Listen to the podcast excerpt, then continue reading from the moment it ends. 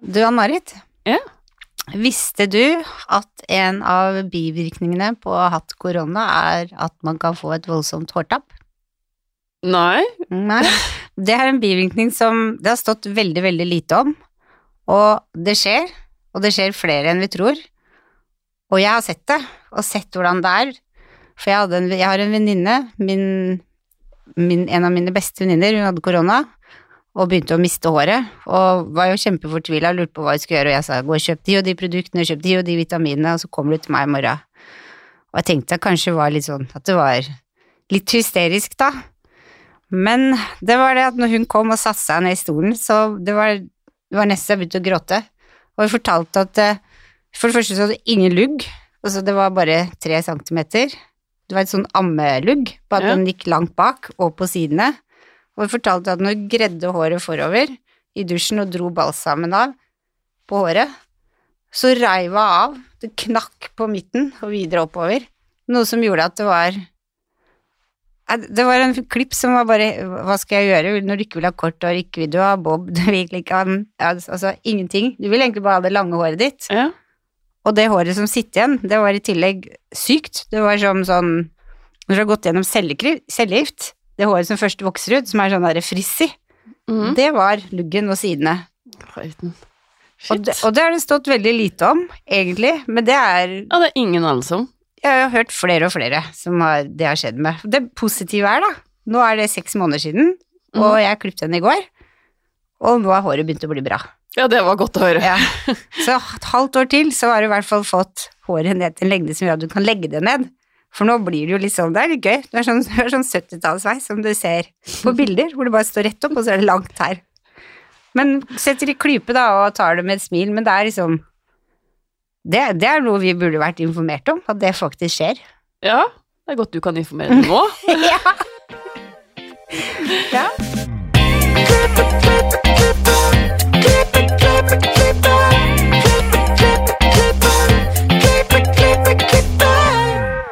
Velkommen til Hårpåden. Jeg heter Ann-Marit. Jeg heter Renate. Ja, hvordan har din uke vært, Renate? Min uke har vært eh, veldig, veldig bra. Jeg har liksom Nå er vi i høst, det er høstfarger, det ser jeg jo på deg. Du har jo fått høstfarge. Ja. Og så har jeg blitt veldig på det derre med å scrolle på Instagram og sende meg sjøl innspo. Og utrolig nok så er det fletter og oppsett, så hey.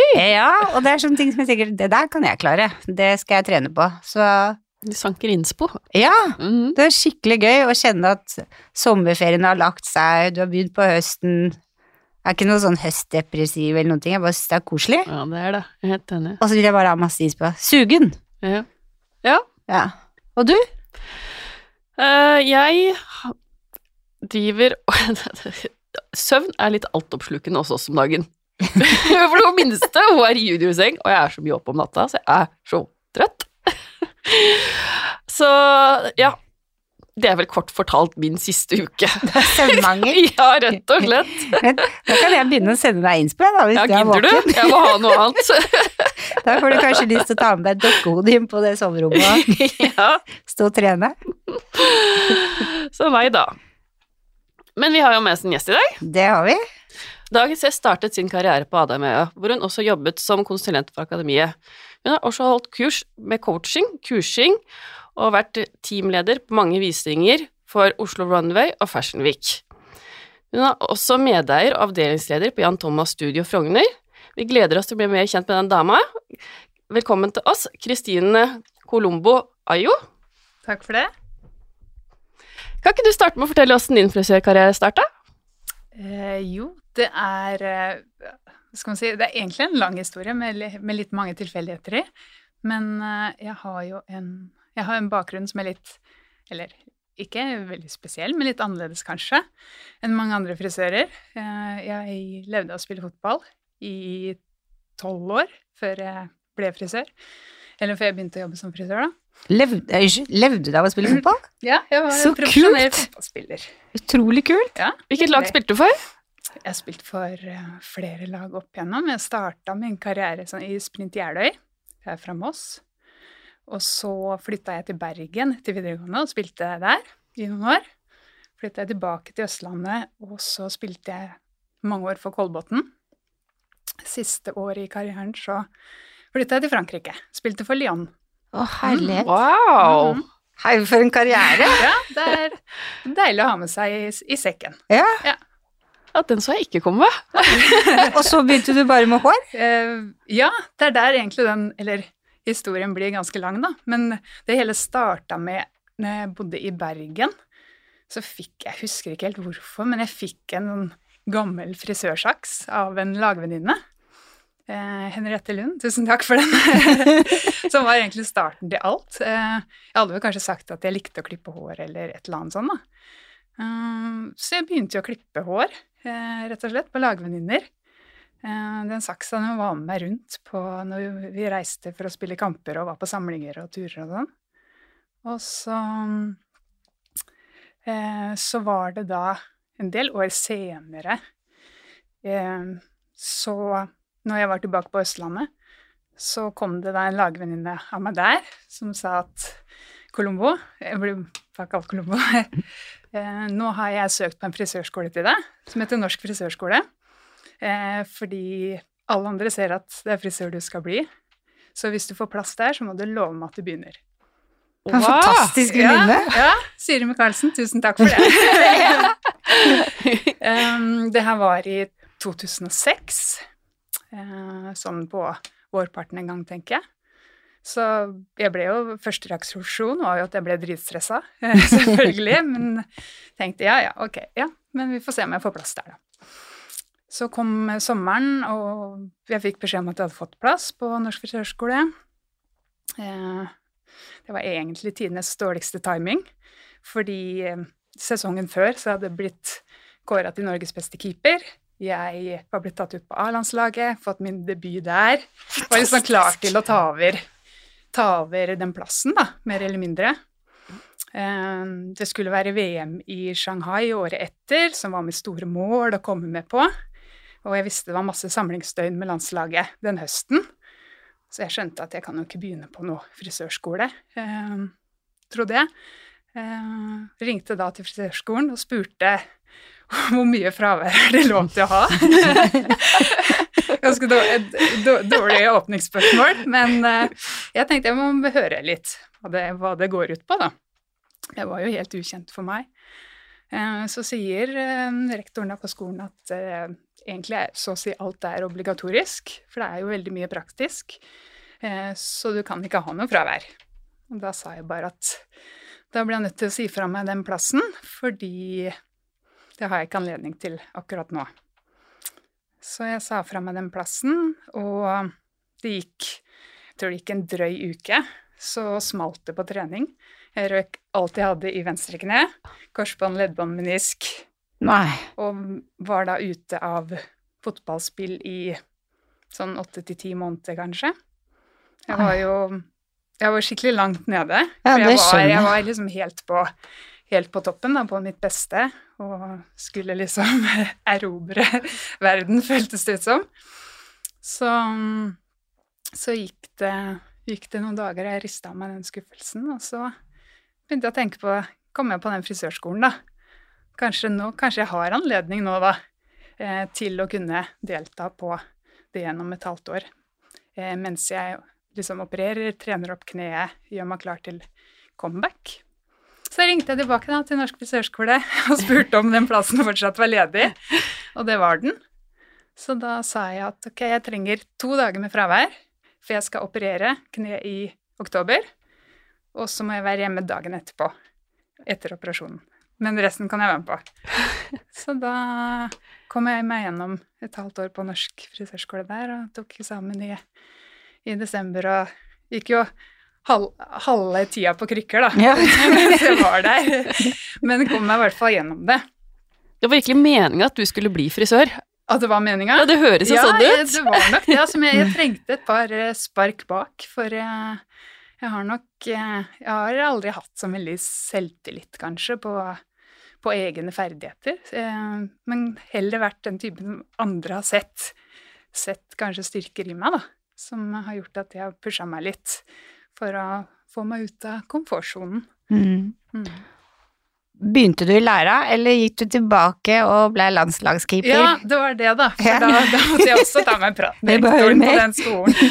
Eh, og så sa jeg det at nå er det jo sånn at jeg trener to ganger hver dag. Jeg er borte, reiser borte hver helg og spiller kamper. Og har samlingsdøgn med landslaget på alt fra, alt fra en helg til fire uker, liksom. Og da sa hun at det er ingen som vil ha en lærling som, som kan jobbe mellom tolv og tre hver dag og jeg er borte hver helg og ja, flere uker i måneden. Så det, det er ikke noe vits å søke på noen lærlingplass nå. Da syns jeg du skal gjøre deg ferdig med fotballkarrieren, og så begynner du 100 på, på resten av frisørutdanninga når du er ferdig med den, da. Mm. Så da gikk jeg tilbake til, eh, til keeperplassen og spilte i eh, ja, fire år til, tenker jeg. Før jeg la skoa og hanskene på hylla. Det er helt vilt. Ja. ja fy fader, for en karriere. Så sånn, sånn ble jeg frisør. Og da ble du lærling på Adam og Eva? Eh, ja, det gjorde jeg. Da, Også litt ved en tilfeldighet, egentlig. Jeg hadde hørt eh, en nabo, en lagvenninne av meg, som var frisør, som sa at hvis du vil bli virkelig dyktig frisør, så må du prøve å komme deg inn i Adam og Eva. For de har det absolutt beste opplæringsprogrammet for lærlinger. Eh, det var hans ord. Eh, så jeg tenkte ok. Da, og jeg visste egentlig ikke noe mer om Adam og Eva eller frisørbransjen sånn generelt, da, så jeg, jeg stolte liksom på det. Og skrev en søknad og hadde bestemt meg for Det var i slutten av september. Jeg hadde sagt ifra til landslaget at jeg er med på siste, siste VM-kvalik nå i Makedonia, og etter det så er jeg ferdig. Så kom jeg hjem på en søndag, og mandag gikk jeg ut med søknaden i veska. Og så så jeg et stort Adam og Eva-flagg. Jeg hadde vært inne på Sten og Strøm, og så så jeg et stort Adam og Eva-flagg på andre siden av gata. Så tenkte jeg oi, der er det kult å jobbe. Og jeg var helt Jeg var så skjelven da jeg gikk inn den døra. og det var det verste jeg kunne tenke meg den tida. Å liksom gå inn og på en måte hva skal man si, vise seg fram og liksom skulle selge, selge seg selv litt sånn inn. Men det klarte du bra. Ja, jeg hadde vel egentlig aldri trodd at, at min fortid som eh, fotballspiller skulle være det som gjorde at jeg fikk en frisørjobb. Men, eh, men daglig leder der leste, leste vel første, første setningen i søknaden min, hvor det sto at jeg akkurat var kommet hjem fra et utenlandsopphold i Frankrike. Og det tror jeg egentlig bare bare gjorde alt. Så de ringte meg dagen etterpå, da, fra Eva Nede Slottsgate, og spurte om jeg ville komme på intervju. Det ville jeg jo. Så måtte jeg da på et intervju nede på akademiet, for, eller administrasjonen, fordi jeg ikke hadde gått Eva-skolen. Eh, For de henter jo i stor grad lærlinger fra sin egen skole. Så var jeg på et intervju der på onsdagen. Og da spurte hun når jeg kunne starte. Så jeg kan starte i morgen, jeg. Så da, tre dager etter, så var jeg frisørlæring i Nedre Slottsgate. Shit. Mhm. Det gikk fort. Ganske kult. Ja, det var eh, Jeg vet ikke, den første dagen jeg troppa opp der på jobb, jeg har aldri følt meg så Hva skal man si Så lost og utilpass, men allikevel så hjemme. Det var veldig sånn rar følelse. Mhm. Jeg hadde jo aldri jobba. Hadde aldri hatt en jobb, hva skal man si, en ordentlig jobb, da, i hele mitt liv. Da var jeg 28 år når jeg begynte som lærling. For da var det jo en stund siden du faktisk hadde gått frisørskolen òg. Det var det også. Det var, Ja. fire, år, det var fire år siden. Ja. Så det var det også som gjorde at jeg lurte på om jeg kom til å få meg noe lærlingjobb, eller om jeg måtte gå frisørskolen om igjen og sånne ting, da. Mm. Men uh, Men de har jo et ganske grundig eh, lærlingssystem, har jeg skjønt. Så ja, du fikk ja, det vel? Ja. ja. ja. Så det var det de sa også, at det eh, meste av den altså, erfaringa og kunnskapen du skal, du skal opparbeide, det får du de tre åra som lærling. Så at det er lenge siden du har gått på skolen, det, det betyr ikke så mye, for det, det er på en måte nå det starter. Mm. Jeg hadde, jo, jeg hadde jo lært ting en gang i tida, og jeg hadde jo klippet Jeg fortsatte jo å klippe når jeg var på, var på samling. Jeg hadde sånn liste på døra mi, sånn som fysioterapeuten og legen hadde på hotellrommet, hvor folk kunne skrive seg på om de ville ha klipp, da. Så jeg hadde sånne klippelister på døra som hang. Det er sånn jeg slo i hjel tid på landslagssamlinger, da. Man fikk ikke bevege seg så mye rundt utenfor hotellet og sånn. Så jeg klippte. Om ikke daglig, så klippte jeg veldig mye hår de fire åra, da. Så gøy. Ja. ja. Da holdt du det ved like òg. Ja, la til meg ganske mange uvaner om dagen. Lagde, lagde litt mine egne teknikker og fant på mye rart. Så ble jeg litt mer skolert, da. det må jeg. Mm. Mm. Hva syns du er det beste med å være frisør? Det må jo være Jeg er veldig glad i å klippe. Det er jo det som Det er jo det det hele starta med. Jeg elsker å klippe hår. Um, så det syns jeg jo er veldig gøy. Så er det nok et eller annet med det at man, man skaper et resultat, da. Eh, og flere ganger daglig. Eh, en gang i timen nesten. Så liksom kan man skape noe eh, som man får et ferdig resultat av. Og Du ser instant, liksom. Ja. ja. Veldig sånn der og da. Dette har jeg skapt. Eh, fornøyde kunder, selvfølgelig, og, og ja, en type Mm. mestrings, mestringsfølelse. Mm. Mm. Du jobber med kurs og fashionshow, og er, er det noe du ble opplært i i eh, Adam og Eva? Um, den coaching-biten var, vel, var noe jeg egentlig sånn, fant på litt selv. Uh, jeg skjønte jo da når jeg kom ut i, i arbeidslivet, da, endelig, at jeg hadde med meg ganske mye nyttig og god erfaring fra altså, bakgrunnen min som toppidrettsutøver. Ehm, en måte jeg begynte å jobbe på når jeg var 15 år, som jeg tenkte at det er jo sånn det er sånn alle jobber. Setter seg kortsiktig, langsiktig mål, utviklingsmål. Eh, jobbe målretta og ja, eh, den biten der. Eh, for, å, ja, for å holde motivasjonen oppe og nå måla sine og sånne ting. Så skjønte jeg ganske fort at eh, det er ikke noe alle gjør.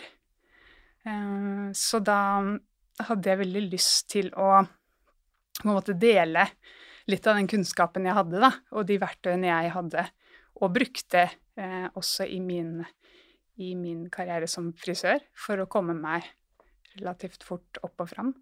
Eh, Mhm. Og det hadde jeg lyst til å dele med, med andre. Eh, da hadde jeg sett gjennom flere år i hadde med Eva at det var mange mm, lærlinger kanskje som eh, før de skulle ta svennebrevet, egentlig hadde mista mista motivasjon og gnisten og lyst, og kanskje rett etter de hadde tatt svennebrevet, ga seg som frisører fordi motivasjonen ikke var der.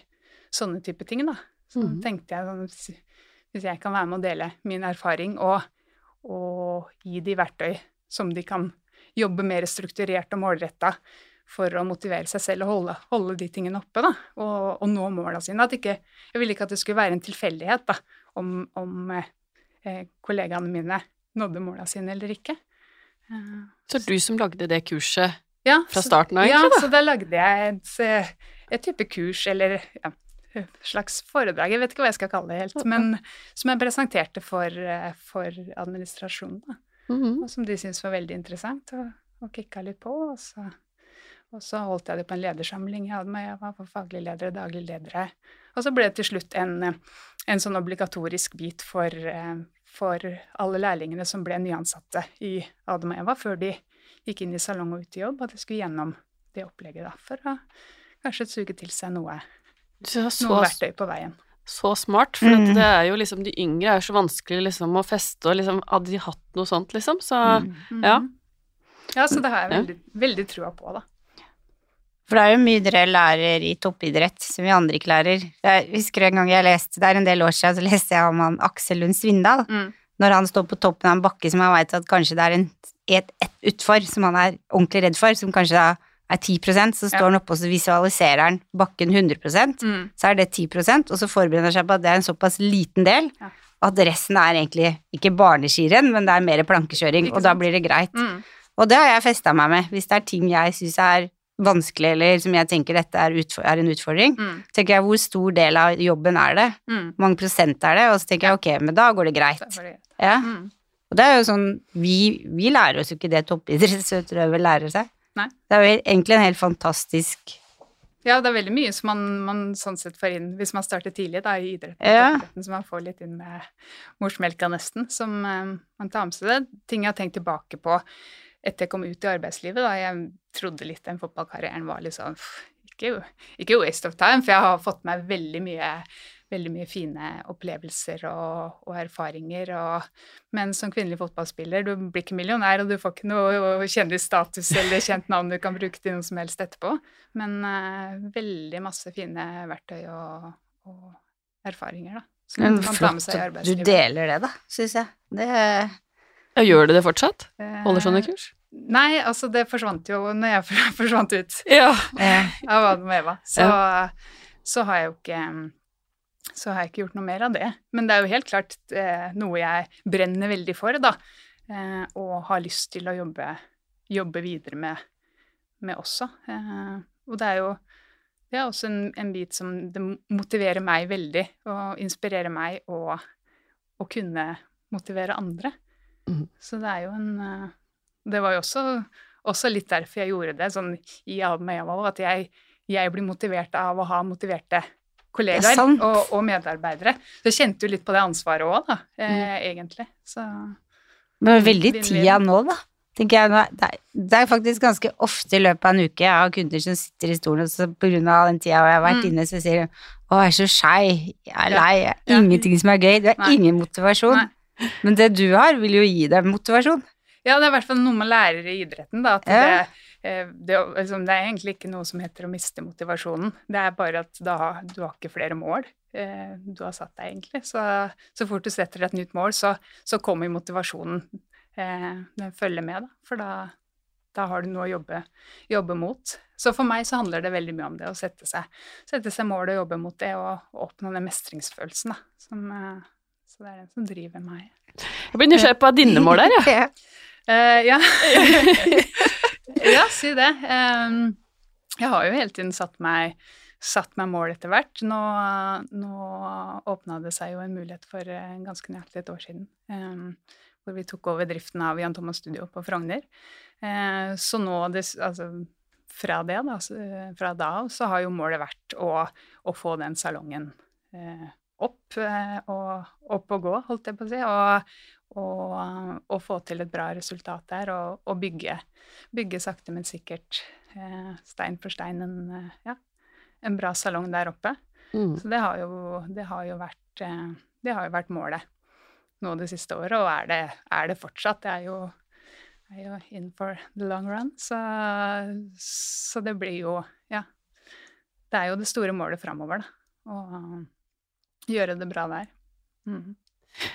Hvor lenge var du på Adam og Eva? I ti år. Ti år, ja. Veldig nøyaktig ti år, faktisk. Ja. Mm. Åssen var det å liksom gå ut derifra og over til Jan Thomas studio? For er, er, dere, er dere alle medeiere? Kan jeg spørre om det? Uh, ja, vi er, Ja. Eller vi er fem medarbeidere. Ja. Medeiere. Ja. Uh, og, og en ansatt. Uh, og Nei, det var Den største forskjellen er jo kanskje det at, eh, at det er mye mindre, mindre forhold. Og vi, ja, vi har jo Vi har mye mer frihet nå, da. Eh, som eh, var litt nødvendig for eh, hvert fall for, for, for mitt valg eh, i den eh, fasen jeg er i nå, nå i livet. Men en jente på ett og et halvt en på to og et halvt hjemme. Så, eh, ja. Eh, så hvis, jeg, hvis jeg tenkte litt lenger fram i tid og sånn, så var det ja, eh, litt mer frihet og, og sånne ting. Var, eh, Styre sin egen hverdag. ikke sant? Var, eh, var viktig, viktig for meg nå. Et nytt mål. Mm, nytt, nytt mål. Ja. Mm. Eh, Hvor mange er dere? Vi er eh, seks stykker nå på salongen. Mm. Mm. Blir det flere? Eh, ja, det håper jeg i hvert fall. Det er eh, planen, det. Vi er, eh, det er jo plass til dobbelt så mange der. Eh, nå har det jo vært Hele det året vi har holdt på nå, så har det vært en veldig, eh, veldig spesiell situasjon eh, med korona. Og i forhold til avstand og sånne ting. Så nå har vi egentlig vært helt perfekt antall eh, i forhold til at vi kan sitte på annenhver plass og, og sånne ting, da. Men som sagt, det er plass til dobbelt så mange, og, og vi har eh, vi har fullt. Vi har veldig fullt. Så vi dukker den rette personen opp, så, så er vi veldig åpne, vi, altså. Så det skal nok bli flere. Men vi bygger opptatt av å bygge sakte, men sikkert eh, opp den salongen. Hva skal til for å bli en del av deres team, da? Ja, nei, man må ha lidenskapen, da, tenker jeg. Det er vi vi er en gjeng med, med lidenskapelige frisører. Eh, litt frisørnerder. Eh, som ser på, ser på, det som mer enn en bare en jobb som du ja, kommer og går til å gjøre deg ferdig med kunde etter kunde. Så, så det er kanskje det viktigste. At man har den, eh, har den innstillingen da, til jobben sin. Og vil noe mm. mer enn bare, bare å gjøre, gjøre, det unna. Er dere alle fra Adam og Eva? Ja. Eller, ja? Mm. Og så gøy. Det er vi. Ja. ja. Så vi har jo alle sammen jobba, jobba sammen eh, på enten i samme salong eller på Har vi møttes på kryss og tvers i ja, ulike sammenhenger, da. Så dere har alle hatt den samme opplæringa? Mm. Så hvis man er ny da kommer inn, så må man gjennom det det litt opplegget? på en måte? Uh, nei, ikke hos oss nå. Nei, nei. det er ikke sånn? Nei da, nei. Det, det, er ikke det vi har, har tenkt. Nei. nei. Spennende. Jeg må bare spørre, for det er sikkert mange av lytterne som lurer, lurer på. Jan Thomas, er han i salongen og jobber der? Eh, du kan ikke bestille time hos han. Det er veldig mange som ringer og skal bestille time hos Ja, det er det? Ja, det er det. Eh, men nei, eh, han, han er veldig ofte innom salongen. Om ikke daglig, så, så er han veldig ofte innom og, og slår av en prat og, og, sånn. Så det er kjempekoselig.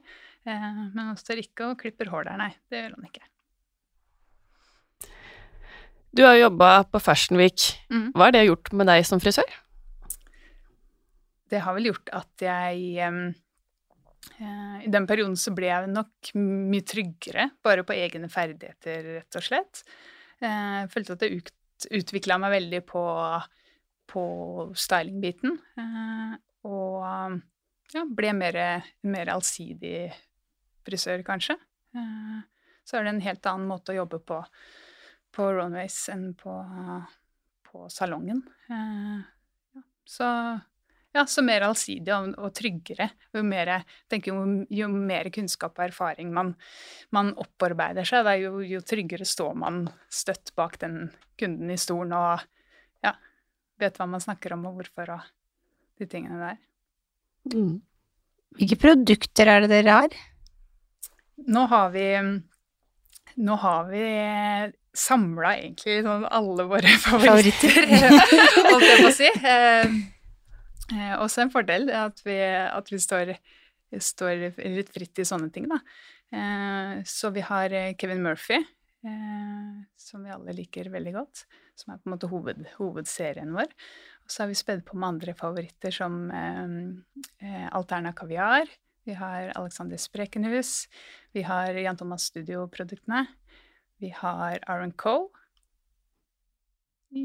det var vel sånn i hovedsak Og på kjemi? Ja. På kjemi så har vi holdt oss til Lorealhuset, som vi har jobba med alle sammen i 10-15 år. Ja, ikke sant? Trygge, gode. ja. Noen ting er greit at man ikke forandrer. ikke sant. Det ble mye forandringer på en gang, så da, da holdt vi oss til det, ja. til det kjente. Ja. Mm. Eh, vi har noen faste spørsmål. Eh, har du noen tips til frisører som vil opp og frem? Uh, ja, det har jeg jo egentlig. Det er jo sette, ja, nå er jeg spent. Ja, det er jo å sette seg mål, rett og slett. Jeg kan ikke få sagt det nok ganger. Uh, jeg syns det er så, så, viktig og så stor del av det. Hvis man, hvis man har en drøm eller har, har et ønske da, for, for framtida, man vil opp og fram, så, så, ikke la det bli en tilfeldighet om man, om man ender opp der eller ikke. Men sette seg mål og jobbe, jobbe strukturert mot det, da. Investere tid i det, og så tror jeg at alt er mulig for alle. Mm. Mm. Hva inspirerer det? Det er Nå blir jeg veldig inspirert av kollegaene mine, da. Jeg syns jeg er fantastisk flinke, flotte og inspirerende kollegaer. Eh, så på en vanlig dag på jobb nå, så er vi, er vi veldig engasjert i, i hverandres arbeid eh, rett og slett. Eh, om det er store prosjekter eller, eller altså, hva skal man si, mindre jobber, klipper, sånn type ting, så involverer vi hverandre. Og det, det, er sånne ting som inspirerer meg veldig. da. Gjør at man, at man kanskje prøver litt andre ting enn man ville gjort om man sto og tenkte helt aleine, eller, eller sånne ting. Og så er det jo, som jeg har sagt tidligere, det å, det å inspirere andre eller kunne motivere andre, da, det inspirerer også meg i min hverdag. Mm. Mm. Hvis du kunne forandra noe på frisørbransjen, hva skulle det vært? Da ville jeg faktisk forandra eh, hva skal man si, ryktet til frisørbransjen. Mm. Eh, fordi det inntrykket jeg sitter med, det er at veldig mange hopper på en frisørutdanning fordi det er litt sånn Ja, da kan man slappe av og kose seg litt, og det er chill. Eh, Hvis man ikke var så veldig glad i skolen, eller Så tar man det som litt sånn bedagelig utdannelse. Og så er det nok veldig mange som forstår, det underveis, enten på frisørskolen eller når de kommer ut som lærlinger, da, at det er eh, vanvittig hard jobb og, og mye tid som kreves hvis man skal bli en god frisør og få det til å faktisk kunne, kunne jobbe som det og leve av det resten av livet. Da. Så å forandre litt sånn rykte der, eh, som gjør at ja, at kanskje folk er litt mer forberedt på det da, når de søker seg inn. Mm. Mm. Det er ikke noe slaraffen-liv. Nei, absolutt ikke. Eh, Hvor finner vi deg og dere på sosiale medier? Eh, Det er Jan Thomas Studio Frogner. Eh, har vi en, en eh, Instagram-konto eh, som eh, vi deler både eh, hva skal man si, mer eller mindre uh, høytidelige eh, snutter fra, fra hverdagen vår. Eh, filmer litt hverandre og, og sånne ting, og tar litt bilder av det som skjer i salongen, produktene våre, nyheter, sånne type ting. Og eh, også dokumenterer eh, litt av kundene som er innom, da. Og Mm. Nye frisyrer, farger og morsomme ting. Mhm.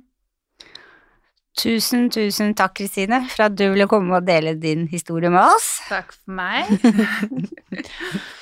Og følg gjerne oss på sosiale medier, og gi oss gjerne stjerne på iTunes. Og så høres vi neste uke. Ha det bra!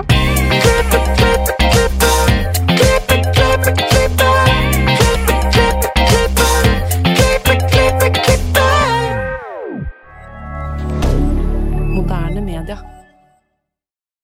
Har du et enkeltpersonforetak eller en liten bedrift? Da er du sikkert lei av å høre meg snakke om hvor enkelt det er med kvitteringer og bilag i fiken, så vi eh, gir oss her, vi. Fordi vi liker enkelt. Fiken superenkelt regnskap.